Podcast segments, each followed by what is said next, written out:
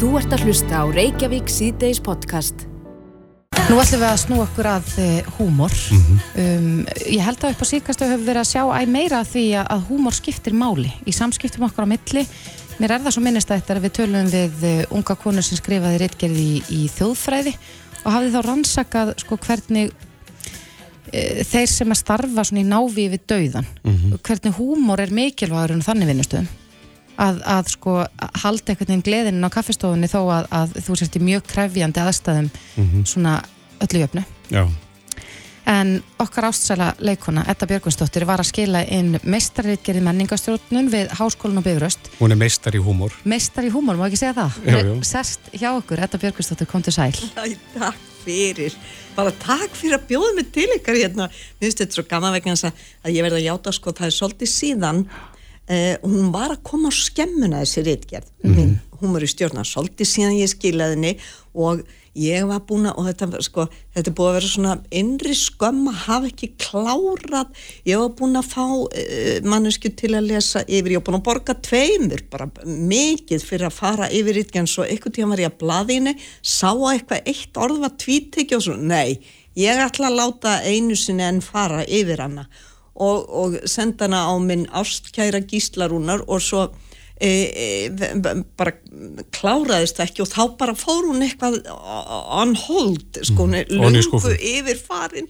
En svo höfðu samband frá skólanu núna og sagði er ekki tími til komin þetta mín að skullin inn á skemmuna? Mhm. svo hún sé e, aðgengileg öllum. Og það er svo gaman að því að þetta er svona þetta er vísindaleg skoðun á húmor sem samskipta tæki Já, svo gaman að, að, rannsaka það og ég er náttúrulega einbytti mér að vinnustöðum og þá sérstaklega stjórnendum skiptir máli hvernig þeir, hvaða línu þeir leggja að hverju komstu? Segðu okkur aðeins af uh, hérna, niðurstöðu stíslunar. Já, það, sko, það, það kemur í ljós að, að þar sem húmor er þar sem húmor ríkir og þetta er svolítið magna vegna þess að sko að, að þeir þurfa ekkert að vera trúðar eða miljandi fyndnir og skemmtilegir yfirmenn, þeir þurfa að hafa opnun, þeir þurfa að leifa léttleika og húmor, sem, það sem við erum að tala um, það sem er saminandi og, og góðlegur húmor, það er til dæmis að hafa bara húmor fyrir umhverfi sínu, daglegum uppákomum, að við saminust, ef við vinnum saman að við saminust um að koma auga á hið spauilega.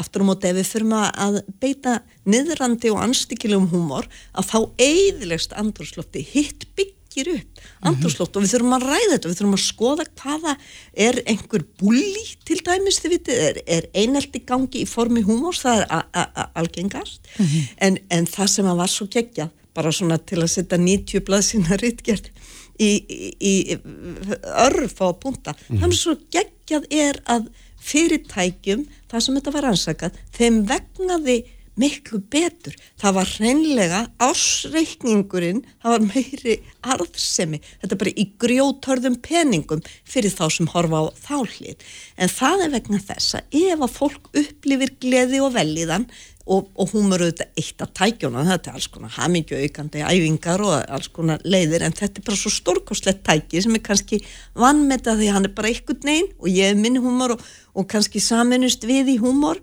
skiljiði, en það sem að hann er svona sko eh, nærandi, þá til dæmis styrkist ónæmiskerfið til Það er bara, bara það að brosa að þá eru við að fjölga litlu killer cells hérna, litlu drafsfrumunum sem eru varnarkerfið okkar og við gera verstaði og bara það að vækka veikindadögum með því að brosa meira og hlæja saman í vinnunni það er náttúrulega bara stórkostlegur og, og ábata samt fyrir fyrirtækin sko. Já, þannig að, að starfsmenn í raun og veru bara afkasta jafnvel meira á, á vinnustöðum þar sem að, léttleikin er ráðandi. nákvæmlega þeir afkasta meira, heilin virkar öðruvísi, þetta fólk er meira skapandi, e, e, það, þetta helgast alltaf því að það er betri starfsánæja og, og það er bara, við erum að nýta fólk svo miklu, miklu betur ef við erum að ráða einhvern í vinnu sem að er ofsalega reynslu, svakalega góða mentun, en hann er í, í e, bara næst næsti bæri við burnout bara í, í, í óhamingi og, og allt og mikið kortisol streytuhormón að þá bara þetta setja af stað hormónaflæði endorfín, dopamin, serotonin, oxytocin þið vitið gleði aukandi hormóna mm -hmm. með því bara til dæmis að, að þið vitið að brosa. Brosa meira, þetta, það eru veðar hérna sem heita musculus caninus vissu það? Og ef að þið bara hengið upp svona bara bak við eirun hefur með munvikin Ég vildi óskar hlustendur getur séði núna þegar þú ert að gera þessu æfingar. Að þá bara, þá fær heilin skilabó, nú já, ég þarf að uh, greinilega fara að framlega efni og ég er bara styrkja ónæmiskerfið. Fyrir þannig ég til dæmis þetta í umfyrinni bara til að vera ekki fól. Þið viti, ég er svo, ég er svo já, ég bara þekki mikið þegar ég sest hindi stýri, þá fjölgar fýblónu svoleiðis hróðarlega ég með nefan á lofti og bölsótast til þess að forðast það að þá til dæmis var að setjast inn í bíl og setja upp ról. Heilin fattar ekki hvort það er ekta sprottið innanfrá eða hvort ég límpa á. Hann bara byrja að framlega sömu efni. Þannig ef ég séði í umferðinni brosandi þá ertu brjáluð? Þá hef ég verið líklega um það byrja að keira inn í næsta mann Já. sem er fíbl í umferðinni. Líklega, sko. En, en á þetta við bara um hvað sem er, segjum sem svo að ég seti hér bara grautfúl í útsendingu og nenn ekki neinu og ef ég bara brosi og hengi upp hérna muskulus kaninus, sagði það? Já, já, ekki skemmtilegt. Að, að mun þetta þá auka þessa veljana tilfinningu? Nákvæmlega, þá byrjar heilin að framlega og það aldrei magna að rannsaka sko, eh, gott látuskast, þá eikst flæðið á þessum hormónum sko yfir 100% og svo, svo gaman vegna þess að það, það sem að þá koma til mannsrannsókn til dæmis að faðma eitthvað nýtt aldrei langan tíma mm -hmm. ef hann vill að sko, við skulum nú bara alveg á því að þá eikst flæðið á endorfíni til dæmis um, um sko, það, svo gríðarlega mikið þannig að það er svona ímislegt mm -hmm. en rítgeði mín fjallaði semst um húmor sem samskipta tæki til að auka gleði og, og bæta afkvöst fyrirtækja. Hvaða ráleitingar ertu með til þeirra stjórna fyrirtækjum? Hvað, hvað eigar að gera til þess að sko, létta húmórin í fyrirtækjum? Já, ég nefnilega hef komið inn í fyrirtæki þar sem að það sem að ég var með stóran banka það meldist alveg óbóslega lástars ánægja skulle við segja lítil ánægja. Mm -hmm. það bara streyta og óhamingja og leiðindi og ég fekk að vinna með því sex mánuði sem var alveg óbóslega gama það fór inn í öll útibún og við, við byrjuðum bara á því að útbúa í hópum saman búa til gleðibanka. Hvað langar okkur að gera til að auka gleði okkar til þess að fá okkur til að brosa til að hafa meiri húmor fyrir hverju augnabliki þið viti mm. fyrir umhverju okkar. Þetta, þetta er margir heldur að segja já, segðu þá okkar fyndi og þá hlægir nei, nei, nei, nei, það fjarrið það þarf engin að vera fyndin mm. en bara um leið og við til dæmis í símaverinu segjum að við, við mætum bara í, í, með, með svona hafa í krans á höfðinu einn daginn, það er bara allt önnur stemning þið viti fyrir utan þetta með ónæmiskerfið og, og dugnaðinn og orkuna og, og allt sko þannig að og við útbyggum stórkostlegan gleði banka, það var alveg það voru hugmyndirnar voru enda lausa, það fylgtu marga blaðsir allt sem við getum gert meðan við okkar starfs mm. umhverfi sko. Og hvernig hefnaðist? Þetta hefnaðist svo vel að það var ekkert annað að gerast í leiðinni til að bæta starfsánæju mm -hmm. og hún jógst svo mikið að það var ótrúlegt. Það var ótrúlegt, ég vildi ég hefði verið myndið að gera bara eitthvað alvöru rannsók með þess að fá gallup til að, að, að virkilega skoða hvað við vorum að gera á hvaða tíma. Mm. og, og, og þannig að þetta væri bara alveg svona töllött og hægt að setja í línurinn. En það var engum blöðum um það að fletta. Og þetta er bara ykkur að segja sko þetta er búið að vera leinistar mitt í nokkur ár. Það er að flytja fyrirlestur og vera með, vera með hérna, e, sagt, e, námskeið mm -hmm. inn í fyrirtækjum eða bara veit að enginn að því það er hverkið auðlist, þetta er bara svona innan, svo bætti ég um betur nefnilega og þú sagði bara ok, húmor, hamingju aukandi og fór ég ákvaða sálfræði líka í háskólanum, sko þannig að ég lög því námi líka er Já. að bæta því inn í Sprenglarð? Já, þetta er, þetta er og þetta er ástriða hjá mér. Ég var einmitt að skrá mig í sálgæslunámi, ég er búið með eina önni í því sem er í háskólanum, en það, ég get ekki hægt. Nei, en, en, en þetta er þá, já, fyrir þá sem er að hlusta og kannski líður ekkert sérstaklega vel í vinnunni, að, að þá er þetta nú eitthvað sem maður ætti að gera. Til dæmis bara það að nota vöðvana og brosa. Til dæmis mjög einfalt og svo á útbúa gleðibank. Já, og bara eiga þetta samtal. Já, við hér til dæmis, við erum bara, nú erum við hér e, hérna, fjögum með tæknamennum ef við myndum bara sittast nefnir, ef við útbúa gleð hvað getum við gert, til dæmis bara ef við setja alltaf bara tónlist í bort þegar við mætum eitthvað, eitthvað og við getum valið hann til skiptis og dönsum til dæmis alveg brjálaðslega í, í bara eina mínútu. Mm -hmm. Allt aðra orgu og alveg ofsalega mikið flæði af gleðihormónu, bara þessi eina litlæfing. Syngja, dansa og við erum komin sko, bara lífræðilega á annan stað, þetta er svo magnað sko. Já, gleðin skiptir máli. Já, það er auðljóst. Auðljóslega. Ekki þannig til... alvarlega, hún getur bjarga lífi ykkar. Já, til hamingi með þennan árangur og allar þessar réttjarðir þetta er í háskólanum að bifröstu það ekki? Þessi, jú, eh, hún er sko hún var semst að byrtast loksins á skemmunni, akkurat. þannig að hún er aðgengileg öllum og bara ferlega skemmtileg lesning. Já, Edda Björgvins kæra þætti verið komuna, gaman að sjá þig Takk og fá þig. mér, takk. Þú ert að hlusta á Reykjavík C-Days podcast. Það er mikið um frétti þessa dagana af uh, þessu svo kallar hriðverkamáli og mm -hmm. einn ángin af því er í fréttum í dag það kemur ljósa við yfirherslur að við komið fram að, að þessi menn sem að sitja núna í, í varðhaldi eru grunar um að hafa lagt á ráðunum að ráða Guðluð Þór Þórðarsson að dögum. Já, þetta eh, kom fram í, í fréttum Ríkisútvarpsins og, og eh, já, það kemur líka fram þar að þeir, þeir heldu að töldu hann enn vera utanríkisráð þeirra þó að, að þetta samtala vátt sér stað í ágúst samkvæmt því sem kemur fram í fréttunum mm. en uh, þetta svona uh, fær mann til þess að hugsa sig aðeins um hér á landi erum við nú, nú kannski blessunilega ekki með, með gríðarlega mikla öryggiskeslu í, í kringum aðstu ráðamenn landsins Nei. ólíkt því sem við sjáum erlendis en Það er spurning hvort að það sé einhver hérna, tímamóti því núna á línunni er Sigriði Björk Guðjónsdóttir ríkislauglustjóri en það ennbætti ferir mitt með vend aðstuð ennbættismanna ríkisins. Og Sigriði Björk er stödd í nýju deli á ráðstefnu hjá Interpol, kom til sæl. Já, komið sæl. Já, hvað segir þú með þessa vend aðstuð ennbættismanna ríkisins? Er, er komið eitthvað vatnastílum í þeim málum núna?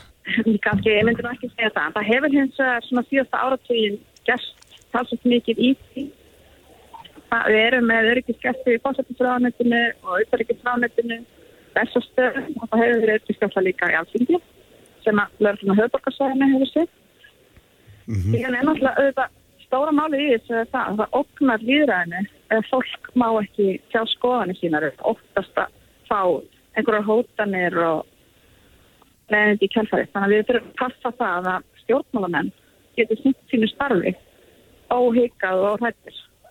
Þannig að það er eitt af hlutverkum löglu að er að tryggja það eins og hættir. Mm -hmm. Og við hefum svona ímis úrvæði, ekki það var að tala um það í smáatið, menn þetta er auðvitað metnir einstakleika, auðvitað metna hóttanum sem berast og gera rástafanar í samræð með alvarleikan. Mm -hmm. Guðlur Þór sagði við talum við Ríkisútvarpið að við þurftum að, að taka umræð um þetta og að, að, þó að við þurftum að nálgast þetta mikill yfirvegun. Um, hvernig er þetta í nágrannlöndum okkar? Erum við, er við með minni öryggiskeslu í kringum þess aðstur heldur en heldur en við sjáum þar?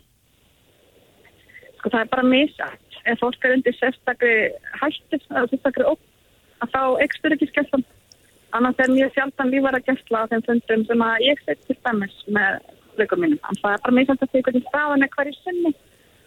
Og það er hótt á nákvæmlega óknuna gegn ráðurum, bara ákveðin í svona málaflokkar sem eru taltir valda meiri heilt en aðris. Mm -hmm. Og það eru fjármálinn, það eru útlendingamálinn, kannski svona þessi tveir málaflokkar sem eru helstir.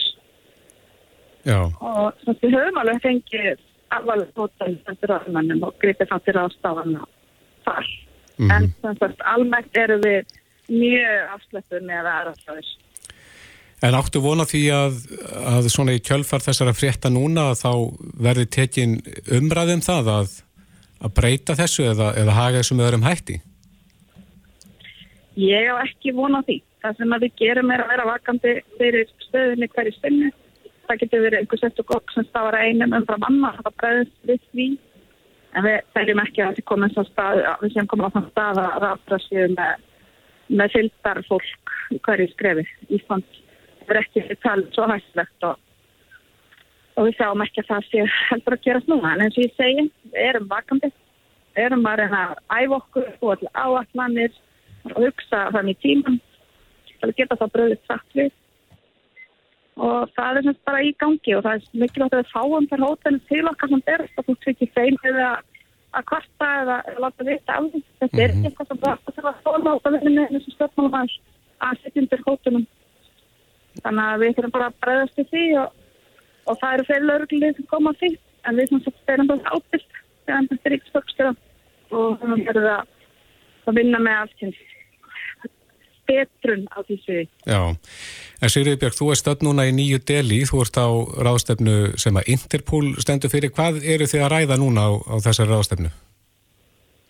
Já, þetta er mjög áhuga. Þetta er nýttur aftur alls er að þing Interpol og við reynum nú alltaf að senda á það það eru mikilvæga kostningar framöndan sem getur náttúrulega áhrif á það stafni sem endur fólkspekkurinn í framtíðina mm -hmm. en það er að tala með mig hvernig slokkum barnum hefur verið bjarga frá því að því að það búin að gýra geimferðslega og selja myndverðni og aðgangaðum og svo frá það og mhm. ótrúlega mikilvægt part sem að, að er að gera þar. Það líka verið að tala um þess að enna metavers, svona nýja teknilegður mm -hmm. og hvernig þeir eru að þróa sína sparsuminn og það sem að einhvern hefur umfram aðra aðra lögjastofna það eru 195 landkjöpa en þetta er mjög stór hópur og það er mikið líka svona tíliða samtölum um einstaklega mál og hvernig það bæta samtali þannig að þetta er mikilvægur vettungur þá að það væri nú visslega hættilegt ef þetta væri einn aðeins okkur. Nei mitt, en þú nefndir hérna Metaverse sem að er á vegum Facebook, hvað eru menna ræða varandi þann heim? það er bara að vera að skoða tæknum er frábærs og allir vilja bæta tækni og, og auðvelda lífi en það er alltaf þetta sem leiðir til líka bröða af sér að er vettfangi og það er, ef við ætlum að vera tilbúin til að berjast í glæpin í framtíðin og þá verður líka að geta tilagangust tækni og færni til að berjast til þá glæpi mm -hmm. á þeim vettfangi sem verður hverju sem og við erum að sjá þetta bara nú þegar þar sem að lögin ná ekki alltaf að halda í tekníkdóðuna Þannig að við þurfum bara að vera á tánum, vakandi og vinna vel saman og þess á kerfi og það eru skilabæn. Skilabæn hér eru bara þjóðurna vera að vinna saman og lögjastliðu völd í hverju landi og samsumfæðilega vera að vinna vel saman. Öðru vissi næst þetta bara ekki. Nei. Hefur stríðið í Ukrænu verið til umræða þarna? Nú hafi mikið verið talað um það að já, mannsal hafi aukist og að, að það eru ákveðinu hópar sem að nýta sér neyð þessar einstaklinga. Já, þetta er bara stór umræða hér og það var alltaf líka heimastald fyrst svo frá ÖSE í síðustu viku sem var að svara yfir það með íslenskan yfirhald svona ráðleggingar og svona hvað, hvað er að gera það annars staðar og hvernig við erum að bræðast við. Mm -hmm. en til þess að geta betur högst en hann hóp sem er viðkomandi stöð Akkurat Við sendum bara bestu ykkur til nýju deli Sigriði Björk Guðansdóttir Ríkislauglustjóri, kæra þakki fyrir spjallið og gangiði vel. Takk fyrir sem er leið Þetta er Reykjavík C-Days podcast. Á þessum viðsjáverðu tímum, það sem að stríð geysar í, í Európu, mm -hmm. þá hefur svona fókusin svolítið verið á öryggi, fæðu öryggi meðal annars. Akkurat. Og aðfanga öryggi. Já, og í síðasta mánuði uh, var gefin út skýrsla á vegum fórsættisraðanættisins þar sem var verið að fjalla um þetta, um sko þessar neyðarbyrðis. Mm -hmm. um, mér skilst að við séum nú ekki fremst hvað þetta varðar? Nei. Að eiga hér neðabyrðir? Nei, erum við á værukær þegar ég kemur að þessu? Það er stór spurning. Á linni hjá okkur í dag er hann Jóhannes Sveinbjörnsson, dósent við Landbúnarháskóla Íslands. Kom til sæl. Já, komið sæl. Já, þú réttstýrðir skýslu sem að önnin var fyrir rattunum og nýsköpunarraðundið einmitt um fæðu öryggi á Íslandi og hver eru helstu niðurstöðunar? Erum við á værukær? Já, við erum náttúrulega, við höfum bæði styrkleika og veikleika en að því að voru að minnast á, á neyðarbyrðir að þá má kannski segja við séum og væri kært þar og það ásvo sem við marga þætti samfélagsins, ekki bara maturafræðanstuna, heldur ég er bara flutning á einminsleitt annað sem að þurfa á að háta eldsneiti og fleru en Já, það er væri kært þar en það er margir styrkleikar enga síður hérna í sambandi fæður ekki. Mm. Ef við byrjum á, á veikleikanum, Jóhannes, ef að það myndi klippa á þessa keðju núna og, og við fengjum ekki aðfeng til landsins út af einhverjum utan að koma til aðstæðum, hvað, hvar væri við stödd? Hvað eigum við mikið að byrjum í dag? Já, við eigum í raunverulega ekki neina sérstakar neyðar byrði. Þetta er raunni, það fyrir svolítið eftir í hver aðfengin eru. Sum þeirra eru þannig að þau eru flutt inn til ársins, eins og til dæmis ábyrður. Mm -hmm. Þau eru fluttir inn á höstin og vettuna fyrir, fyrir næsta sumar. Þannig erum við ágæðlega byrg af honum? Já, til dæmis, akkurat núna væri við ekki, en eftir nokkra mánuði þá, þá væri við vel sett fyrir mm -hmm. komandi ár. Já. Uh, við tækjum til dæmis óljuna mm -hmm. og þá, þá er það bara nokkra vikna byrjir og eru þetta alveg fyrir, fyrir allt hérna í samfélaginu. Já, við þurfum ólíu til þess að, að, að abla matan eins og ná í fiskin og, og slíkt og á landbúnaðartækin. Já, akkurat. Og þetta myndi vera betur stöld ef við væri lengra komin í orkuskipstum. Mm -hmm. Það má alveg nefna það, en það tekur auðvitað tíma. Síðan er kornið, það er að segja að innflutt er unni þá bæði kornvara til mannættis og og til dýrafóðurs. Mm -hmm. uh, að það er kannski já, allan að fyrir dýrafóður þá er þetta kannski svona tveggja, tryggja mánuðabyrðir sem eru á hverjum tíma. Já. það væri kannski tiltun auðvöld að auka það.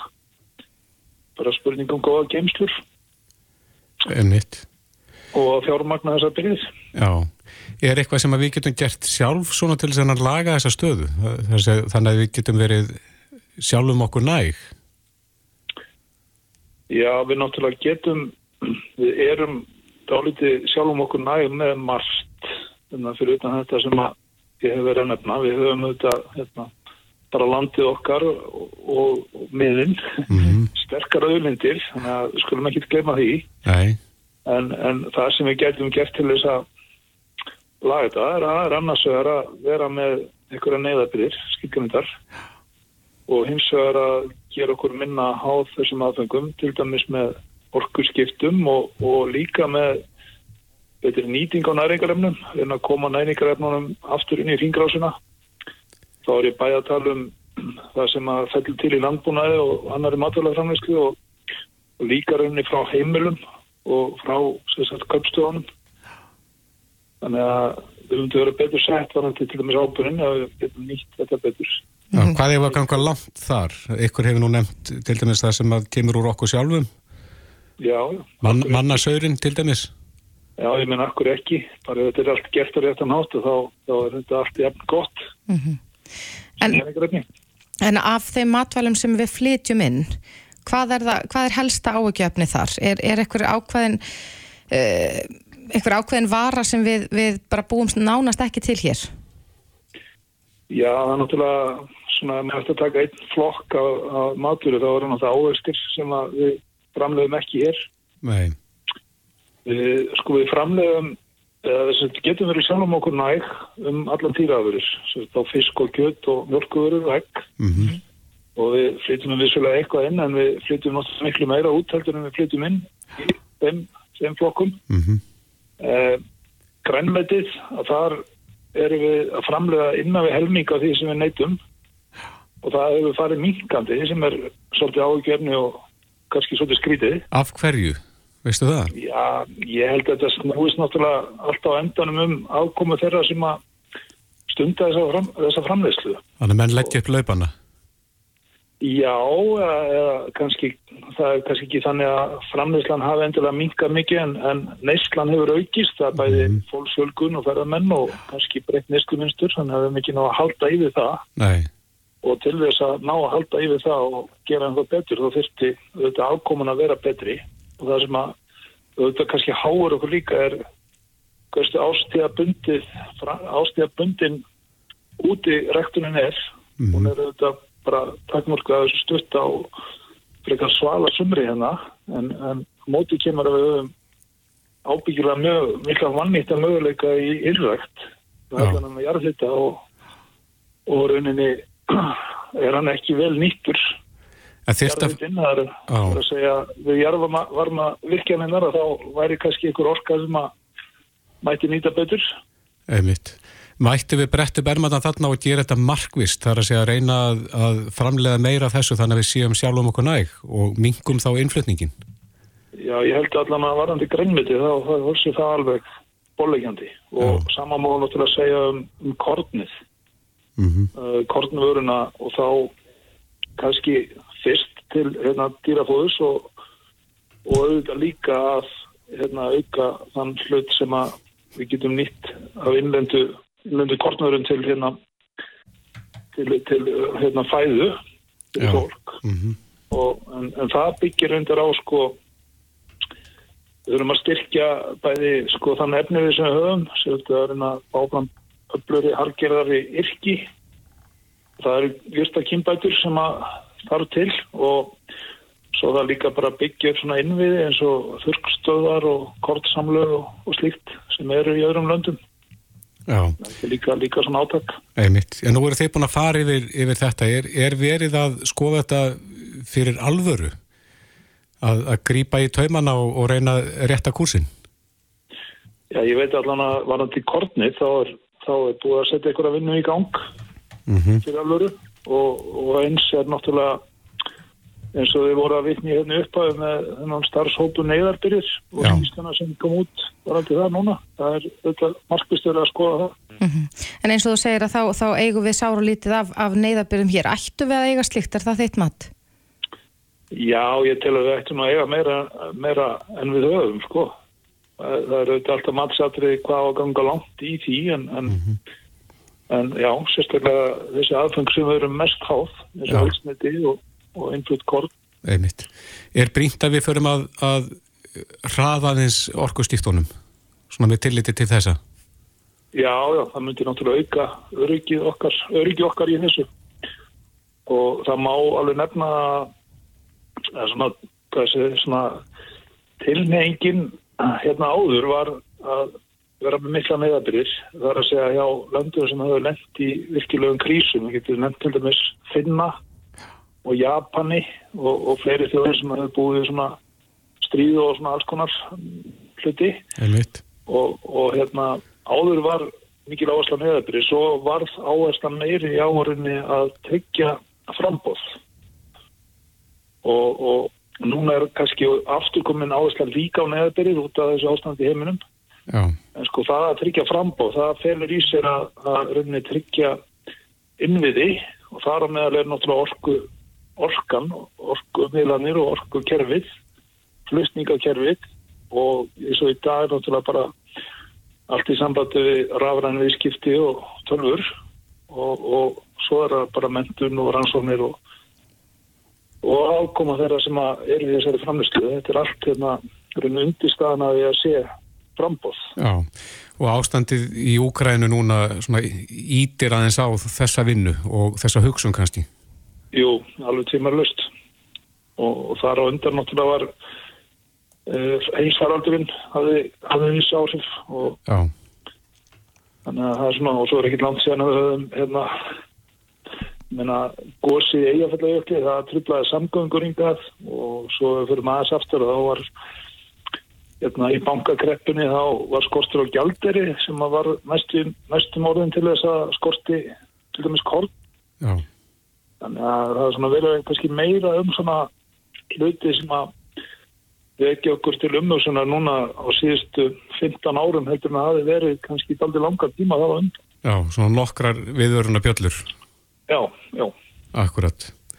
Jóhannes Sveinbjörnsson, við skulum vona það að, að menn svona geri alvör úr þessu og, og, og hafi þetta í huga og fara að vinna í þessa átt. Kæra þakki fyrir Já. spjallið. Já, takk sömulegis. Bless, bless. Bless, bless. Þetta er Reykjavík C-Days podcast. Voruð þið búin að heyra um þessa konu uh, á Breitlandi sem að var dæmt fyrir að taka ökupróf fyrir aðra? Nei. Hún tók 150 próf, tók það bara að sér. Er það að tala um verklegt eða bóklegt próf? Bæði. Bæði? Og var búin að þjána þarna hátti 5 miljónir Já, já, já. eftir 150 próf. En Mhm. uh, hún áðist á endanum og, og var dæmt. Já, eh, Hún sem fór betur fer. svellköld í öll þessi próf. Vön mannestja. Já, ég er allavega mjög ánað að þetta hafa komist upp vegna sem við viljum auðvitað ekki hafa fólk út í umferðinni sem sem kann ekki að keira. En uh, íslenska módeli, við ætlum aðeins að ræða það. Það hefur oft verið talað um það í gegnum tíðina og, og vætið heimsategli. Já, að við náðum undraverðum árangri uh, hvað var að forvarni hér á landi Mhm. uh, ég held að þetta hafi verið í kringum aldamótin, ég er nú ekki alveg með á hreinu þar sem að, að já, til dæmis úlingadrykka snarminkaði mm. -hmm. neysla, annað slíkt Var þetta í tengslum við þetta átak fíknefnalust Ísland? Já, ég tel svo 2000. vera Mhm. ég, ég elska það að við séum að, tala um þetta án þess að, vita þetta nægilega vel en, en við munum flest hver eftir þessu ég man eftir að hafa verið úlingur þessum tíma og uh, móðu mín var nú í slagtögi við þetta fólk og ég skammaðist mér alltaf hryllilega fyrir hann og það var svo mikið af svona foreldraröldi og hún var einhvern veginn fremstar Já. í farabrotti með þetta Gallhörð. Já, gallhörð. En hins vegar hefur borið á því að, að já, umræðan hefur aðeins snúist um það að mögulega höfum við aðeins mist þannig bolta hér. Já, komið bakslag. Já, að uh, við, já, það er nú, uh, gerist ofta þegar maður næri einhverjum ákveðnum árangri að, að maður kannski hættir að hugsa eins mikið um það og, og þá drabbast það niður eftir. En, en Slaka ætli, á kró- klóni. já, ætli slíkt hafi gerst hér varandi forvarnamálin. Hún er sest hjá okkur, Margrét Lilja Guðmundsdóttir, þekkingarstjóri Planet Youth, kom til sæl. Sælblessu. Byrjum kannski á því, sko, fyrir þá sem þekk ekki Planet Youth, hvað er það? Í raun og veru Planet Youth uh, tiltölulega nýstofna fyrirtæki sem verður til vegna þess að eh, mikið af erlendum sérfræðingum og, og sveitafjölugum, borgum, viðsvegarum heim fór að horfa til Íslands út af þessu svo kallaða íslenska forvarnamótili vildu vita hvað það var sem við vorum að gera og hvers vegna þessi hlutir voru að virka. Þannig að, að eftirspurnin varði í raun og veru til þess að við stopnum þetta fyrirtæki sem er að vinna núna í yfir 15 löndum út um allan heim. En hvernig stýri þið út íslenska módeli? Hvað, svona í nokkrum setningu, hvað er það? Sko íslenska forvarnamódeli, mér fannst þið nú bara að byrja vel, ég var að spáði hvort ég ætti kannski bara að fara aftur heim, en, en það er í raun og verið þessi þættir. Árið 98 þá sáum við að hér voru 42% neyminda í tíundabæk sem að drukku áfengi eða höfðu orðið ölvaðir síðastlega 30 daga. Það var í raun og verið bara blásið í alla lúðra og þá sérilaði til foreldra þetta gengi ekki lengur og það yrði að grípa í. Bærin var stútfullur af döðadruknu fólki og mikið af þeim voru börn fíknæfnanlaust Ísland, fóreldarröldið, við fórum að nota útivistatíman, við fórum í raun og veru það sem að mín aðkoma eða okkar aðkoma hjá rannsóknum og greiningu, því ég starfa líka stundum sem sérfræðingur þar, var að sapna gögnum, eiga samtal við börnin í gegnum spurningalista, sjá hver staðan væri og það bregðast við ef að, ef að hérna, við sáum rauðljósloga og líka vita hvað þættir það eru sem eru verndandi þættir í lífibarnana sem að í raun og veru draga úr frávikshegðan eins og vímafnaneyslu. Og, og hvernig stöndum við okkur í dag? Erum við ennþá að yfka þetta íslenska mótil hér landi? Já, ég vil í raun og veru segja það við sjáum aftur á móti eitt og annað sem við þurfum að ágjur af og við skulum alveg átt okkur af því að íslenska forvarnamótilið er ekki verkefni með byrjun og enda. Íslenska forvarnamótilið er bara í raun og veru yfirheit á því hvernig við höfum nálgast forvarnar vinnu síðastliðin rúm 20 ár. Við sjáum alls konar hluti sem við höfum ágjör af þegar kemur að líðan barna í dag og í raun og veru hvað þau eru að gera. Við þurfum að tryggja það að við séum alltaf að vinna í nærum hverju barnan okkar. Við þurfum að tryggja við fræðum fóreldrar um þeirra hlutverk. Við sjáum ennþá mjög lágar tölur þegar kemur áfengi eh, síkaretureikingum og kannabisnótkun í eftirbekkum grunnskóla en það er aftur um að aðri hluti sem við höfum ágjör af í dag. Svo breytist náttúrulega samfélagi þannig að það er spurning hvort að mótili þurfa að breytast líka. Það kemur náttúrulega netið inn, miðlega eins og TikTok og Snapchat og allt þetta og, og svo nikotínpúðar og, og slíkt. Já og það er það sem að ég raun og veru við sjáum með síðustu fyrirlögnun okkar. Við lögðum fyrir síðast við hjá rannsóknum og greiningu í februar og mars 2022 og það er það sem við erum búin að tala okkur hásum núna undanfærin ár, sérilagi eftir COVID, þetta er koffín, þetta er nikotín, þetta er of mikill tími í tækjum, of mikill skjáttími. Og það er kannski sérilagi samfélagsmiðlanótkunin. Við sjáum að börnun okkar sofi ekki nóg, við sjáum að það er allt of hátt hlutfall barna sem hefur ekki aldur til þess að vera á samfélagsmiðlum erðar og aftur núna, alveg svo við gerðum varandi ölfunadrykkjuna, þá þurfum við að fræða. Það þýðir ekkert að standa á fóröldra og segja, heyrðu, gerðu ykkur í brók þegar verðið að gera eitthvað.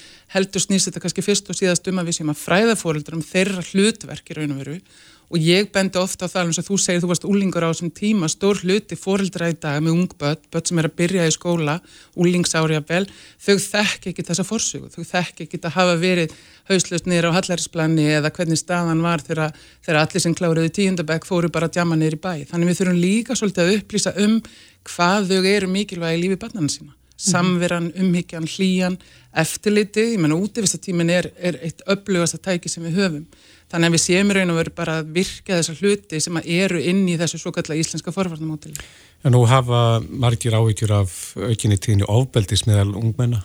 Ég, ég tek alveg undir það. Ég hef áhyggjur af, ég sé það bara í mínu hverfi, ég tek það fram, ég menn ég segi við mæltu síðast í februar og mars, það var hér allt logandi í COVID. Bönnin okkar voru til skiptis í sótkvöðu einangrun og við erum pínu búin að gleyma því. Eh, við erum að stíga út úr rúmlega tveggja ára heimsfaraldri. Það hefur áhrif á okkur. Ég veit bara hvernig ég og fullarna fólki í kringum mig talaði hvað við ætluðum að gera mikið þegar COVID loksins var búið. Við ætluðum algjörlega að sleppa á okkur öllu. Þannig að krakkanir okkar eru kannski ekkit öðruvísi. Þau hafa fengið afskaplega mikið skjáttíma í, í, hérna, meðan að COVID var hér. Það er alveg á hreinu. Ég sá oft vini mín að gera grína því að skjáttímin væri eiginlega bara 24-7 mm -hmm. og við erum þakklátt fyrir að hafa haft þennan möguleika. En núna þurfum við kannski aðeins að bakka og búið til meiri ramma. Ja. Og það sem ég tala einna mest um í dag þegar ég er að klukka fórildra og ég er búin að vera að tala við fórildra allt neyri í fyrsta bekk í grunnskóla er að við þurfum í fyrsta lega að tryggja börnun okkar séu ekki á samfélagsmiðlum fyrir þau hafa aldur til og það er ekki fyrir þau eru 13 í fyrsta lagi að við setjum einhvern ramma, við fylgjumst með því hvað þau eru að gera og við áttum okkur á því að heimurinn sem við fá ég, í hendurnar þegar þau eru í símónum sínum í samfélagsmiðlunum og ég tek TikTok oft sem dæmi vegna þess að í mínum huga er hann kannski svona einna vestur, ef við getum orðað þannig, en ég veit að handa við hotnið er einhver ennþá verri sem að nærðir ennþá, sko, er, er, þeir, þetta er svo fljótt að ná okkur, bara að hérna, ná okkur að sína okkur ennþá meira af sama efni við vorum að horfa á. Og þar er verið að leið mér slett bara glorifæja ofbeldishægðun. Vi, við sjáum þetta í þessari hatusumræðu að við séum hérna með ung börn sem er að leifa sér bara fordama fulla hægðun að gelta á eftir alls konar hluti sem við kærum okkur ekki um og einhver staðar eru þessi börn að læra þetta. Mm. Þannig ég held að við ættum allavega að búa til og skapa þennan rammöndunum börnin fyrsta lagi 13 og leifa þeim að fara þanga og gefa þeim kannski bara pínu svolítið frí frá þessum heimi þar til þau hafa aldur til. En, en þarf þetta ekki vera bara svona viðtækt samráð?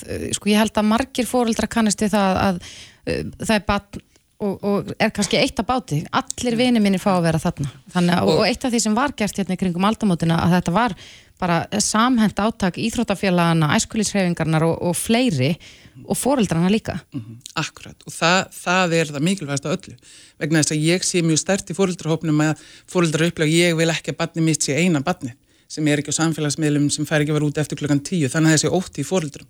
Þannig við fóreldrar þurfum að fungera alveg eins og úlingahópur, góður úlingahópur að allir fóreldrarnir í þessum skóla komið sér saman um að það færi engin að nota samfélagsmiðla fyrir það árið 13 eða allir fóreldrar í þessum árgangi segja að við förum ekki að neta eftir klukkan tíu. Hver á að leiða þetta? Hver á að stilla fóreldrarna saman? Uh, ég sé þetta sem mjög, sko við þurfum heimil og skóla saman vegna þess að við höfum yfirleitt alltaf nálgast og þegar ég er að fyrirlesa er ég nálgast fóreldra í gegnum grunnskólan eða, eða framhaldsskólan. Við þurfum í raun að veru að stór auka núna samstarfum millir heimils og skóla vegna þess að það er búið að vera svo brotið uh, meðan að COVID var hér. Við fengum ekki eins og koma inn í skólana og það heyri ég mjög við að það eru skólastjórnundur sem eru að bóða til þessar að funda og ég raun að vera að taka þetta samtal. Heimil og skóli hefur líka verið með eitthvað sem heitir netsáttmáli og við sjáum það líka bara núna á síðastlum vikum að mánuðum, það er komin mjög sterk umræða við vitum og það er náttúrulega bara fyrsta stíðið í því að, að grípa svo til einhver aðgerð alveg svo þið bendið á. Um leið og við áttum okkur á því það er eitthvað sem okkur líkar ekki að þá kunnum við aðferðin í að breyta því mm. og það er raun að veru sagan um íslenska forvarnamótilið hefur kent okkur við vitum alveg hvað við þurfum að gera ef okkur líkar ekki það sem við sjáum. En þeir eru að breyða út uh, fagnæðaririndið. Ja, klárt. Uh, vitið þeim staði það sem að þetta mótil hefur virkað og skilað árangrið? Náttúrulega hér heima en Já, við, sjáum, við, sjáum, við sjáum það við höfum verið í Tarragóna, það er sveitafélag í, í hérna á Spáni og við erum núna búin að vera í nokkur ári Tíle og þar virðast fyrstu vísbyrningar benda til þess að þetta sé að skila árangri og þá snýst þetta bara um að innlega þessa aðferðafræði, nota gögn um börnin, börnin er að svara spurningakörnum og þannig eru við eiga viðtöl við þau, sjá hvernig staðan er og svo erum við að leggja áherslu á þessa verndandi og áhættu þætti og einn af áhættu þáttunum er þetta hangs að gera ekki neitt og fóröldurlösu partíin og allt það. Mm. Þannig við erum raun að vera að virka. Það sem er einna erfiðast og mjög áhugavert og kannski efni í annan þátt að við sjáum að við höfum náð einhverjum alveg ekstra verndandi þátt hérvarðandi íþrótt skemmtir og, og tómsutastarf. Það verðist hafa alveg auka verndandi þátt, mun meira heldur en við sjáum annars þar í kringum okkur og það er enneitt dæmi sem við þurfum að huga eftir COVID. Ef við erum kannski að upplifa það að börnin okkar eru hætta af áhuga á íþróttinu sem þú voru að æfa eða langar ekki lengur að spila piano og þá er í raun að veru mikilvægast að öllu að þau séu virk í einhverju. Þannig að við hjálpum þá börnunum okkar að finna eitthvað annað skipilagt starf sem þau geta verið í allavegna þangu til þau klára grunnskóla. Mm -hmm. En þessi verndandi þættir, þeir eru líka fleiri. Það er líka ýmislegt sem snýr bara að heimilinu sem slíku til dæmis bara að, já, ég tel mig vita að bara það að eiga samverustund með fjölskyldinu, sitta öll saman með mataborðið getur bara verið ég skila árangri, bara það eitt. Mér finnst frábært hvað er að þau eru vel lesin í Íslandska prófarnumóturinn, ég verða rósingur samvera, líkiladriði og það þarf að vera, það þarf ekki skipilegi þaula, bara eiga góða samveru, tala saman og ég held að við höfum haft nóga samveru í COVID, við vorum bara allir sikkur um skjánum skilji hvað er minna. Þannig að tala saman, borða saman, fara í bíltúr, ísbíltúr, þau eru ekki byggðið um flóknar hluti krakkarnir þegar við spurðum á forfarnadeginum hvað myndur helst vilja að gera með fóröldræðinum, það er þessar einföldur hlutir. Við vitum líka að þekkja vinina og fóröldra vina, hafa þetta taumhald, sína umhyggju og hlýju, sína er raun og veru bara lífi þeirra áhuga. Og það sem ég held að hafi líka svolítið gerst með tilkomu netsins og samfélagsmiðlana að þannig er heimur sem að við fullarna fólkið þekkjum ekki jafn vel á þau.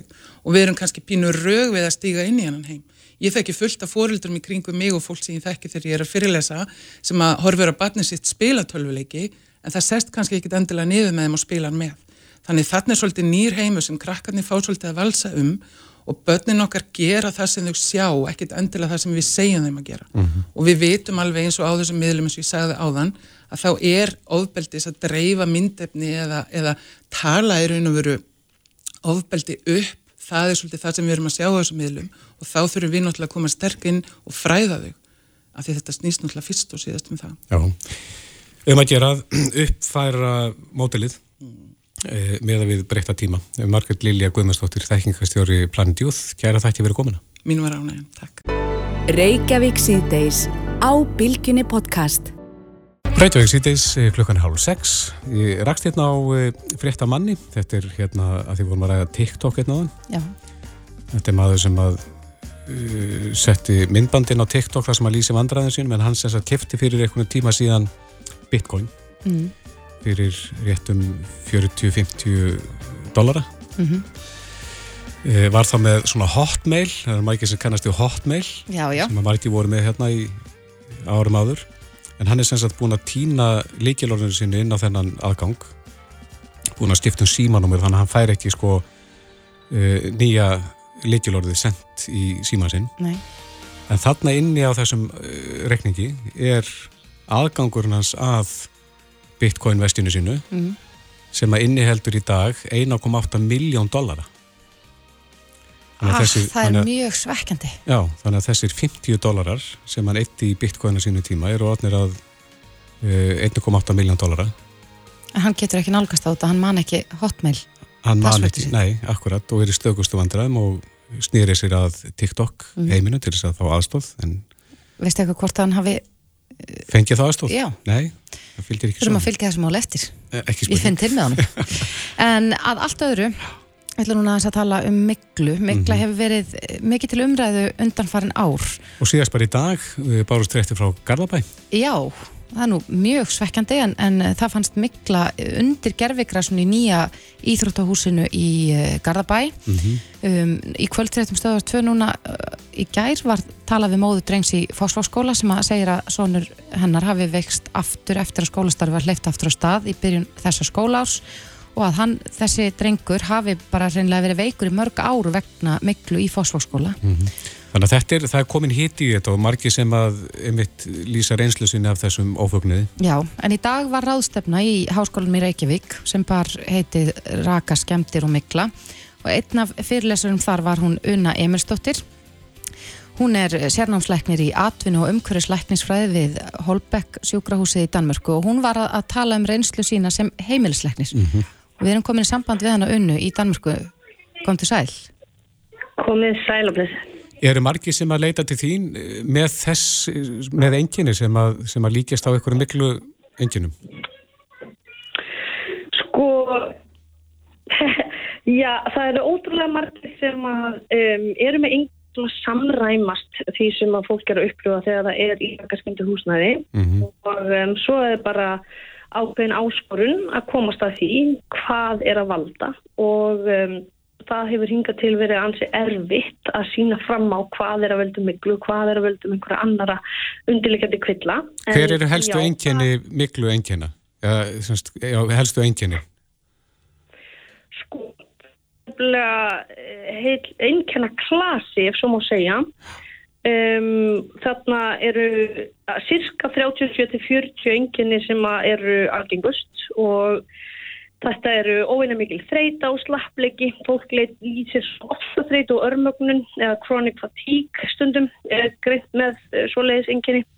Uh, vöðvaverkir krampar í litlum vöðvum eða mikil fótapinningur óutskýður álátur höfuverkur uh, ljósnæmni til dæmis róði og kláði eða þurrkur í augum og jafnvel óskýr sjónstundum aukin táramyndun eða augþurrkur Uh, þá er aukin táramyndun sem, sem sagt, svörun líkamanns við þessum augþurki. Svo er það viðvarandi kvef, einkenni, króniskar kinnhónubólgur, hósti, hæsi, mæði, andnöð. Uh, börn eru gjarnan með kviðverki og önnur meldingar ónót og, og svo er það eh, verkir í útlumum, einkenni frá taugakerfi eins og minnistap og einbettingarörðuleikar, tröflun á rýmiskvönd og, og jafnvel smá svimi Já. og svo er eh, já, svo eru margir sem fá svona eins og hraðtakta köst í hjartað og sem er fá svona eins og nefnreynsli og, og jafnvel nefnblæðingar og, og svo er það tíðfælot og aukinn þorsti og þetta er auðvitað eitthvað hljóm Nú hefur þetta aðeins út verið hérna? Já, já, það sem ég ætla að segja var bara að, að þetta er að sjálfsögði koma oft við annars konar, annars konar kvilla líka og það er leiðandi Og greinilega okkur slæmu svæði una, getur aðeins færti til. Já, ég skal færa mig til. Betri í mig núna? Já, nú heyrist allar viljir, en, en sko þetta eru, eins og þú varst að segja, ég held að ég hafi skilið rétt að þetta eru líka já, einkenni sem geta komið út frá öðrum kvillum, en hvernig er hægt að sannreina að þetta sé af völdum miklu? Er það hægt yfir höfuð? Sko, það, það, það er einmitt áskorunin vegna þess að þetta er eins og ég segi svo, svo til útilokunar greining vegna þess að þetta er gætnan að gerast hjá fólki sem er búið að ganga á milli lækna í marga mánuði jafnvel mörg ár og það finnst engin undirlegjandi orsök eða uh, meðferðir skila engum uh, árangri. Það fær ekki úrlöst mála sinna og þegar að uh, svona er að gerast ímist krónist og er langvarandi eða er að gerast trekk í trekk í trekk eins og til að mynda hjá ungum börnum sem er að fá tíðarsýkingar aftur og aftur og aftur og eru alltaf að fá hérna, rættattaköst eða eitthvað svo leið sem er svona viðvarandi og engin, finn, engin skýring finnst á. Þá ámaður að hugsa gæti mögulega verið eitthvað hér í umhverju bassins sem að gæti verið að valda einhvern og það er áskurinn eins og þú spyrð uh, getur við sannað að þetta sé veldur miklu. Eins og er þá vantar okkur uh, lífmerki svo kallu eða svona biomarkers eins og blóðpröfur og annað slíkt. Og svo er annað í þessu að uh, það eru til þúsundir rannsóknar sem að sína fram á að um, við erum að sjá ákveðin munstur hérna. Og það er í öllum löndum heimsins sama munstur. A veldur B en við vitum ekki hvernig A veldur B og það eru eins og kenningar um það. Mm, en rannsóknir. já, væri hægt að eh, sagt, komast að þessu með því að taka fólk úr aðstæðanum í einhvern smá tíma og sjá hvort að einkenni lægist við það? Það er frábær leið til að uh, kanna hvort að það gæti hugsanlega verið eitthvað samhengi, eitthvað orsakasamhengi, tíma hérna, samhengi og um, það er oft það sem að kemur fólki líka á spori þegar það uppgötar býtunum við. Nú er ég ekki lengur með öll þessi krónisku einkenni eftir að ég hætti að vinna á hvernig minnustad eða eftir að við fluttum. Hva, hvað Eða fórum í frí í einhverja vikur eða eitthvað slíkt? eða fórum í frí, akkurat. En svo virðist vera uh, einhver genetískur faktor líka. Þannig að uh, hluti þeirra sem að geta veikst í uh, rakaskemdin byggingum, þeir virðast vera með erfiðari og svona, er, já, enginni sem að viðlofa þrátt fyrir að fólki sé komið út úr aðstæðum og það gerir þetta stundum ennþá floknara. Já, við höfum, þessi umræða um miklu hefur verið svona ansi hávar undanfærin ár hér, en hvernig er þetta eins og þú til dæmis byrðið í Danmörku, er, er þetta vandamál annar staðar líka, er þetta eitthvað sér íslenskt? Þetta er klárulega vandamál annar staðar líka og uh, það sem er að gerast hérna í Danmörku er nokkuð svipað og uh, á Íslandi, það er að segja það er aukinn vitundavakning og fyrsta svona, ef ég má sletta En þú dætt slettan út, held ég. Já, field trip, sagði ég. Já. Uh, með vinnunni um, í, á svona hérna vettvang. Uh, það var að skoða tvær byggingar, annars vegar það sem að mikla var sínileg og hins vegar það sem var algjörlega ósínileg.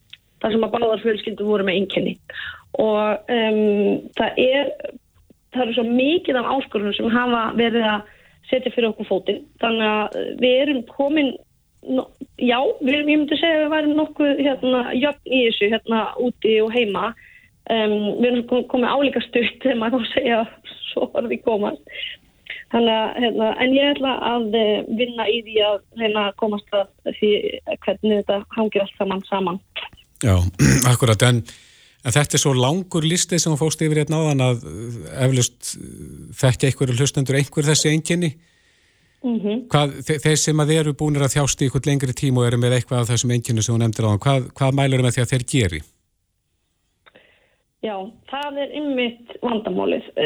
Það er mikil skortur á þekkingum og ég uppgöttaði það þegar ég var á hilskellunni á, á Akranesi að þangar var fólk að koma allavega Reykjavík að því að það er ekki komin svona konsensus um það hvernig á að taka á þessum málum sem heilbristasmaður mm -hmm. og um, það er erfitt að greina þetta og það er alveg skiljanlegt svo sem þetta skuli hafi verið kynnt í heilbriskjörn í lengri tíma en með ráðstöfnum sem var og uh, aukinni umræðu og uh, þegar það sko ráðamenn landsins vandum um, saman og vilja gera eitthvað og verða breytingar. Og nú og hérna og ég bara vona það innilega að, að fólk opni, hafa augun opin og eirun og hlusti og, og, og reyni að taka svolítið gagginskleruðin af sér vegna þess að við erum eiginlega komin yfir þann tíma að við getum verið að, að vera með einhver svona skeftísk komment og, og hérna og gett lítið úr þessum einhvernum uh, fröskuldun hefur verið til dæla lár að greina fólk jafnvel með andleg veikindi uh, þegar fólk er að kvart undan svona og, við þurfum bara svolítið að, að taka til og, finna sammælega lausna á þessu og það er verið að vinni í öllum heimshornum, ég get alveg. Já, hefur það verið ríkjandi innan heilbreyðskerfisins hér að, að svona, svona evasemtir um, um hvort að mikla valdi þessum kvillum? Já, það er alveg vel þekkt að það týstist svolítið fylkingar og sumir tala jafnvel um þetta eins og þessu hálgjör trúabröð, hvort það trúi og trúi ekki á og svo framvegis. Og það er svo sem skiljanlegt líka vegna þess að það hefur verið erfitt að sína og sanna uh, hvernig þetta hangir allt saman saman, hvernig orsakasambandi er. Þannig að svona flottar rannsóknir um, það er ekkit hérna, það er svolítið skortur á góðum rannsóknum en það er svona, aftur á móti fjöldin allur af uh, rannsóknum sem er kannski að minni gæði með þessum gæðum sem að fólk vill að rannsóknir séu, í. Þannig að já, það hefur verið uh, gaggrinni og það hefur verið skeftismi og, og hérna og sumir kollegar hafa komið fram jafnvel sjálfur og, og greint frá veikindum sínum og hafa verið gaggrindir af öðrum kollegum sínum. Þannig að það hefur verið erfitt og, og, hérna, og það þarf bara að, að taka þetta saman og hérna opna augun fyrir þessu vandamáli vegna þetta, þetta er klárlega vandamál er, Já, og er greinlega verið einhver hugafarsbreyting í þessum álum? Það er að verða hugafarsbreyting, já mm. og hérna viðbröðin sem að sem við þurfum að vera með er að einfallega vera með sína auðmygt og mm. áheyrn og, og vera með góð viðbröð við þessu öllu og hlusta ákvæmst annað. Það, það sem að skiptir öllu máli. Já. Una Emilsdóttir, sérnámslæknir í atvinnu og umhverjus læknisvæði við Holbeck Súgrási í Danmarku. Kæra þakki fyrir spjallið. Takk fyrir að syngja. Hlustaðu hvena sem er á Reykjavík C-Days podcast. Í dag er 18. oktober og þessi dagur er alþjóðlegur dagur breytingastíðis Kvenna. Akkurat.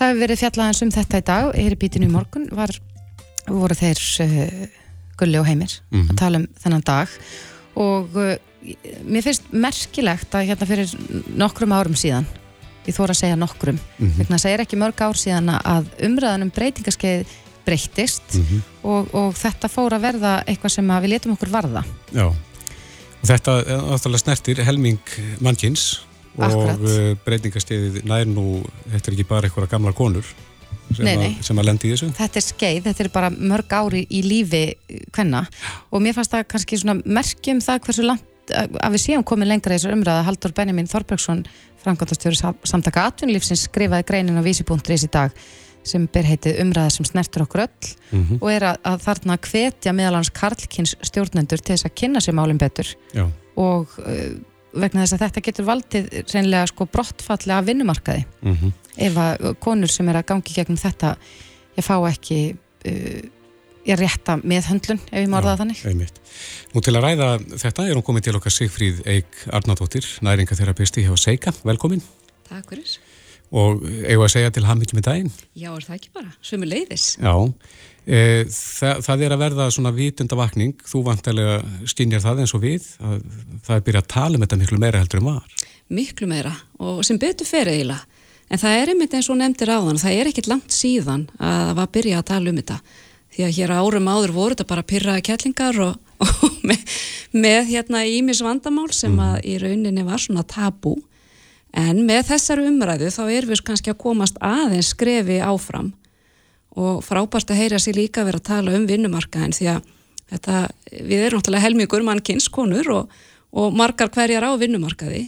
Og það hafa verið gerðar til að mynda kannanir í Breitlandi e, með þetta og til að mynda 10% kvenna í Breitlandi hætta hreinlega að vinna vegna breytingaskeis.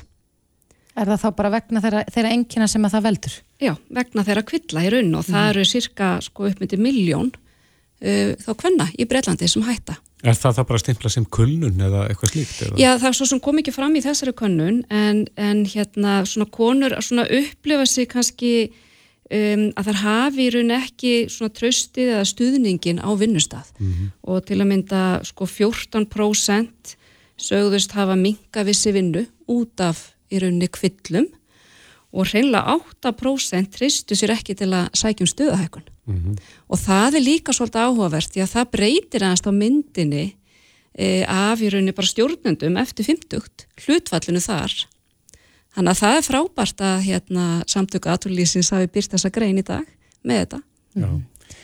Við erum að, að uh, höfum talað hérna um breytingaskeiðaður og mér finnst ég vera svona alltaf að læra meira og meira. Hér áður fyrir töluðu við kannski meira bara um tíðakvörf. Það var eitthvað svona ákveðin skurðpunktur í lífi hverjar konu. En, en þetta er miklu lengra skeið sem að við ættum vera að líta til og allskynns, já, já kvillar sem að koma upp á, á margra ára tímabili. Já, Er hægt að Einmitt. meðhöndla þetta allt? Já, þú getur meðhendlað það náttúrulega ímins, ímsan máta um, og þetta er í rauninu þrjú tímabil. Uh, og það eru til orð fyrir þetta á ensku, það hefur, ég hef ekki séð íslensku orðin því að það er með tíðakvörf er rauninu svo dagur sem kona hættir á blæðingum. Og hún er komin á breytingaskeiðið ári eftir að blæðingar hætta. Og ensku er þetta miklu betur skilgreint þannig að við köllum þetta kannski hér fyrir tíðakvörf sem er þá rauninni getur verið alltaf tíu ár. Meðaltali eru það fjögur ár sem kona er þá svona að sigla í tíðakvörfin um, og meðalaldur er svona 51 til 52 og það er mikilvægt í rauninni bara fyrir þennan tíma að bara hugsa vel um sig út frá næringu og bara hollum lífstil það er náttúrulega svona kannski nummer eitt. Um, og svo þarf kona kannski hormona meðferð eftir Það það. er að færast í vöxt, eða ekki? Það er alveg að færist í vöxt, jú, algjörlega og það er kannski líka bara orðið meiri vittneskja um í rauninni þessu hormona uh, og, þeir, og þeir, já, uppátt, og þeir eru í rauninni um, orðnir betri í dag heldur en þeir voru, sko.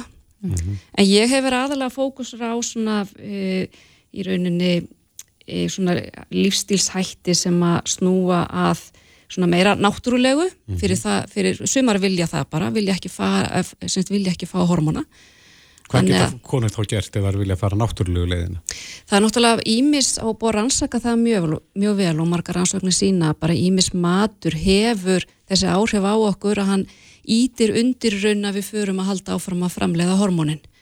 Og við vita náttúrulega er allt svona hotla ávegstir grannmiti um, og svona plöntu estrogen heiti það til að mynda eins og bara lífarant sójakjött og það hefur alveg sínt sig að, að konur sko í Asíu þær upplifa miklu, miklu farri kvilla heldur en við vestrænu konurnar. Og það er vantilega út af sójakjöttinu þær borða þetta tempe, tofu þó sem að vilja hafa það lífrænt. Er ekkert í súkulæðinu? sko 70% súklaði er alveg mjög holdt það er alveg gott fyrir þig. En kannski ekki þetta ljósa Nei, með sigrunum já, já. En þú, talar, þú ert náttúrulega næringaterapisti þannig að þú ert eh, svona einbeitir að næringun en svo er það vantilega reyfingin líka.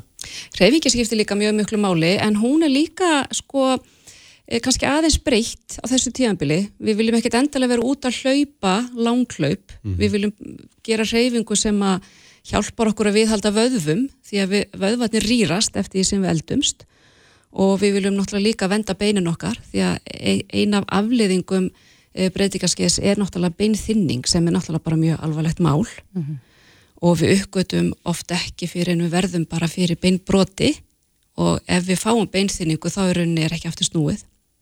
Það er ekki að hérna, bæta það eða Það er ekkert að bæta það. snúa við. Nei, það, það er svo sem gefið lifið í en þú getur ekki farið tilbaka því að þessa bein eigðandi frumur hafa þá í rauninni bara byrjað að geta upp beinið. Er þá reyfingin best til þess að styrkja beinin eða Reyfing og matur. Það er náttúrulega, hvaða, hvaða mat er best að það er náttúrulega matur sem að inniheldur til að mynda kalsjum. Já, Það er náttúrulega, hérna, og D-vitamini þar líka. mhm. Þannig að til að hjálpa við svona þessa beinþjættni. En, en þú eh, hefur verið að halda námskeið fyrir konur sem er í, í þessari stöðu og, og vilja fara þessa náttúrulega leið. Eh, Eru, ertu með einhverja svona glæstar eh, sögur af konum sem hafa já, náða að dempa áhrifin af, af breytingarskeiðinu með, með því að breyta bara um lífstíl? Já, allavega hafa sko umsaklega að vera ótrúlega góðar og kannski e, því að þú þarft ekki að gera mjög mikið til að þú, að þú finnir fyrir svona betri líðan. Um, bara sko smá trikk er að bæta inn próteini og þá finnur við meiri orku því að þessum aldrei þá verður oft svona þreyttar í raunni, við meigum við minna og það er bara út af þessu hormónu ójafægi. Þannig að svona samsetningin á matnum skiptir alveg máli, hvernig diskurinn er þó svo við þurfum alltaf að passa upp á trefjar og græmiti líka.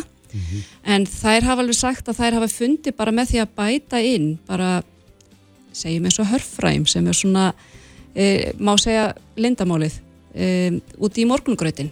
Það hjálpa mikið til við að, að hérna, til að mynda bara svo hitakóf. Já, ertu með heimasíðum þar sem fólk getur kynnt sér Ég er með heimasíðu, það er seika.is S-E- S-E-K-A, Já, það er reynir bara nafnum mitt, S-E-K-A akkurat. Sigfríð Eik Arnardóttir, næringaterapisti hjá Seika. Kæra þakki fyrir komuna. Takk sem leiðis Reykjavík síðdeis á bylgjunni. Mentamálinn hafa verið í deglunni undan farna daga. Heldur betur. Í gær bóðaði Ásmund Reinar Daðarsson barna og mentamálur á þeirra strömmkvörfi í íslensku mentakerfi. Um, öllum, öllu starfsfólki mentamálastofnunar uh, var sagt upp Já. og stofnun verður lögð niður og svo var umræða hér í gær í kjálfar þessa Ilmur Kristjánsdóttir leikona skrifaði færslun á fjersbókarsíðuna sína þar sem að hún gaggrindi harðlega þessi les hraðapróf Já. og við rættum þetta hér í gær Já, finnst þú mikil áhersla lögð á les hraðan í staðin fyrir les skilni- skilningin? Akkurat. En uh, Þórdís Jóna Sigurðardóttir, hún er ný ráðinn forstjóri mentamálastofnunar og hún er á línu hjá okkur í dag. Komdu sæl. Já, sæl og blessuð. Já, þetta þetta er tímamót hjá þessari stofnun og þú hefur verið ráðin til þess að leiða breytingaferlið. Hvernig, ef við byrjum að því, hvernig sérðu fyrir þér að, að framtíðin verði í mentamálum? Þetta er stórt hlutverk. Já, heldur betur og hérna, eins, og, eins og þið komið inn á að þá sem kynnti þetta í gær uh, ráðferða þessar nýju fyrirhuguðu breytingar og eðlilega þarf að setja þetta allt fyrir alþingi þannig að það þarf að semja það, að samþykja það að leggja niður stopnin og ný stopnin hérna, verið þetta laginnar. Já, þetta er allt sagt með fyrirvara. Já, þannig að það er nú bara þannig sko og það hefur ekkert gerst ennþá en hérna, þetta er svona það sem er fyrirhugað Mhm. og þessi nýja stofnun á þess að það vera skóla þjónusta til þess að þjóna og styðja þá skólastarf sem er í starfi í dag og bæði þess varandi kennslu, ráðgjöf, eh, stuðning við leiðtóa í skólastarfinu og bara við almenna skóla þróun og þegar þið komið mitt inn á þessa umræðu varðandi þennan lestra saða að þá er þetta klárlega eitthvað sem að fellu þá undir skóla þróun hvort að eiga að kanna leskilning betur og hvort að þessi rétt viðni þannig að þetta þarf alltaf verið þróun mm -hmm. og eins og hérna ráð þeirra réttilega bendi á og þá hefur þessi skólaþjónast ekki verið til staðar. Hver er þín personlega skoðun á, á þessu með les hraðaprófin? Sko við þurfum sko klárlega að skoða fleiri þætti. Það er algjörlega kristaltælt að, að þetta er bara ein, einn af þeim hæfileikum og hæfni sem við viljum hafa til staðar en það er svo margt annað sem skiptir líka máli eins og réttilega verið að benda á. Þannig að við þurfum að, hérna, að, að skoða það. Mm -hmm. og bara frábært þessi umræða og, hérna, og þetta er þessi bara hluti á skólaþrónu, svo þarf einhver að þá að geta tekið þetta áfram og það er verið hlutverk þessara nýju stofnunars. Akkurat. Nú hefur hafa ymsir bent á það að, ég við séum kannski ekki alveg í taktu tíman hér á landi þegar kemur að mentamálum og að þróunin hafa ekki orðið næla hröð, kannski samanbori við nágrannlöndin okkar um, mm. með þessum breytingum sem að verða kannski með öllum þessum fyrirvörum mm. eru við þá þróast í þá átt að vera nútímalegri? Klárlega og ég held að það sem gerist auðvitað þegar að sko skólanir fara yfir til sveitafélagsins fyrir 25 ára síðan að þá er þetta sett í hendunar á sveitafélagum þessi skólaþróun og þau auðvitað bara eru misvel og, og kannski ekkert eru raun og veru í hérna, sveitsettilis að, að gera þetta eins og þyrsti þannig að þessi miðlæga stuðningur, uh, já, þróun, hvert að ég er hringja til þess að fá ráðgjöf og eins og þið þekki bara, þú veist, uh, það sem hefur sett inn í á kennara og inn í skólastofuna er alltaf að verða bæði sértækara en líka viðtækara og þannig að þetta þarf stuðning, miklu meiri stuðning að hérna til þess að, að börnin okkar sko nái að vera farsæl og blómstra. Hefur menta stefna farið út á spóruna þínu mati á undanfötnum árum? Uh, ég held allavega að þetta sé tækifæri til þess að setja hérna á rétta brautir og nú þurfum við bara að kalla í til samtalsins, samstarfsins, samvinnunar um það hvernig við viljum gera þetta að þetta verður alltaf einhver einnæðal sem getur gert þetta allt. Við þurfum þetta samtal sem ráðhverja er núna búin að kalla eftir og þess við erum ekki búið að búið til laugin, þú veist, það er að bara byggja um þetta samtal. Mm -hmm. Hverjir verða að borðinu í þetta samtal?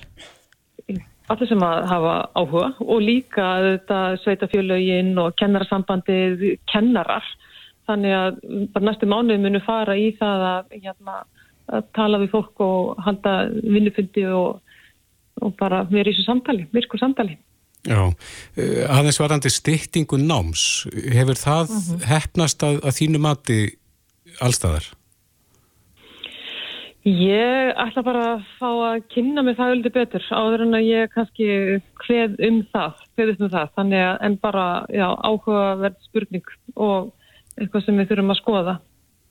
Akkurat. Já, hvort þið sem að réttilega þar? Einmitt, já. Já, það er, við vonum það að séu spennandi tímar framöndan en það hefur, já, ímislegt innan mentakerfisins verið gaggrínt á undanförnum árum. Ertu mhm. spennt fyrir þessu verkefni? Klálega.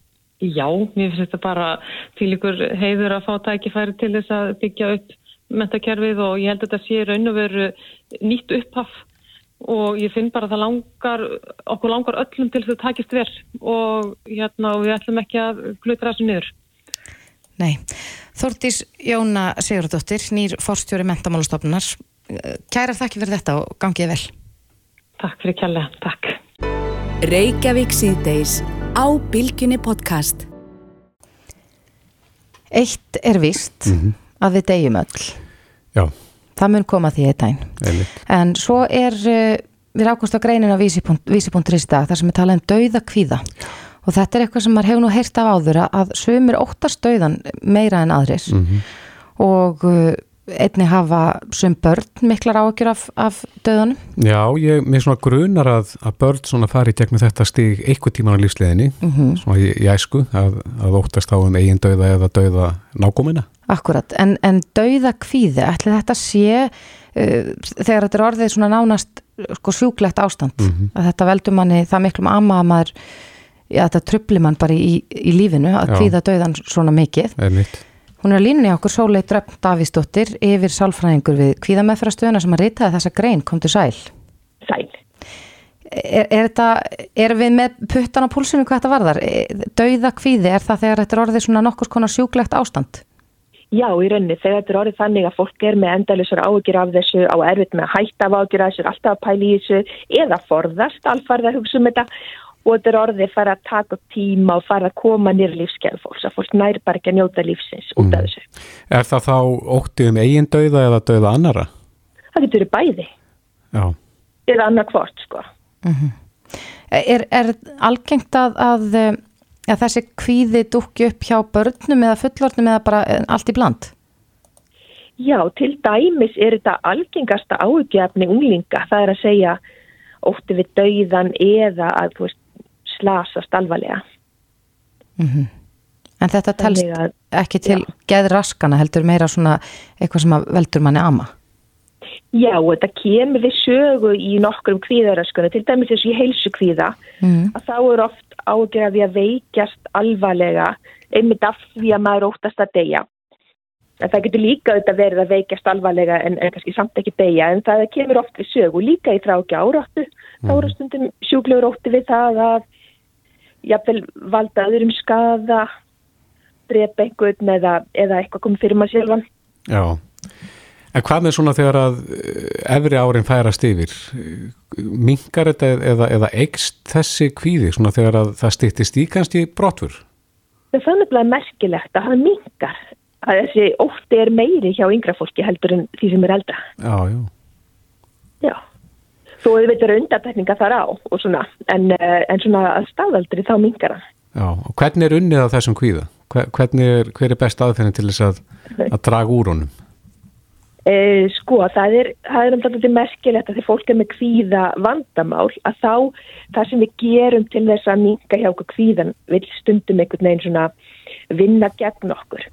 Þannig að eins og ef ég hef ágjur af því, þú veist hvað gerir til dæmis í döð, þá verður ég kannski að pæla endurist í því, ég fyrir að lesa mig til og þá fæ ég misvísandi upplýsingar, þá verður ég ennþá kvinari og, og er kannski að leita svara af einhverju sem verður kannski aldrei svarað. Mm Er þetta þá svona vangaveltur um hvað tekur við? Hvort það taki eitthvað við yfir höfuð eða hvort þetta verði allt bara svart? Já og hjá sömum.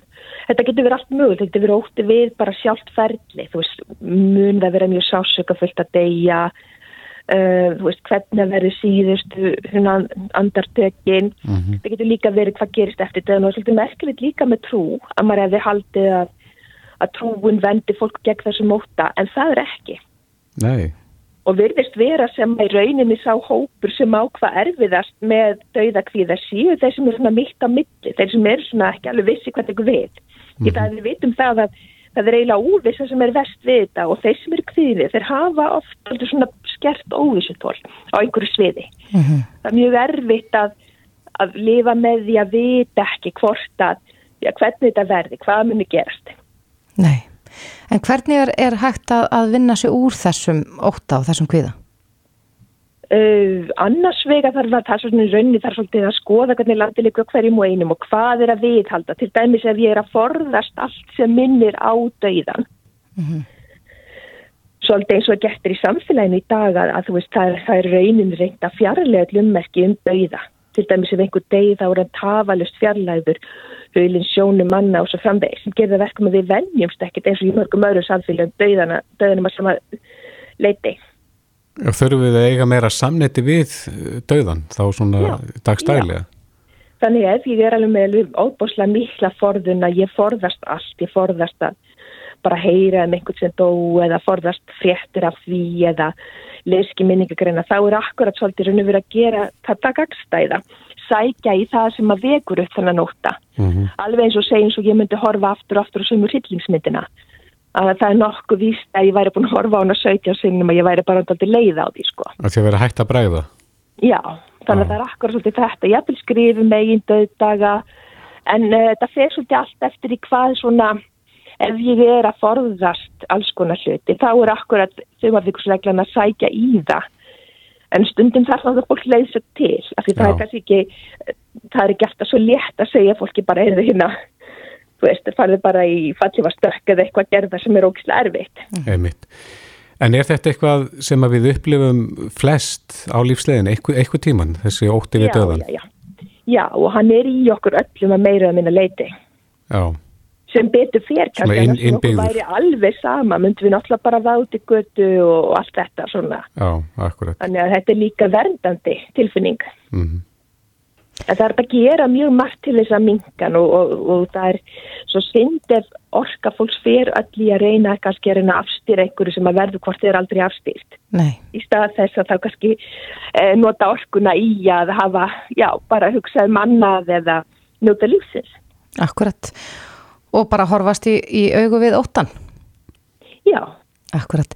Já, Sólei Dröfn Davíðsdóttir yfir sálfræðingur hjá kvíða meðferðstöðinni. Kæra þakk fyrir að skýra þetta út fyrir okkur.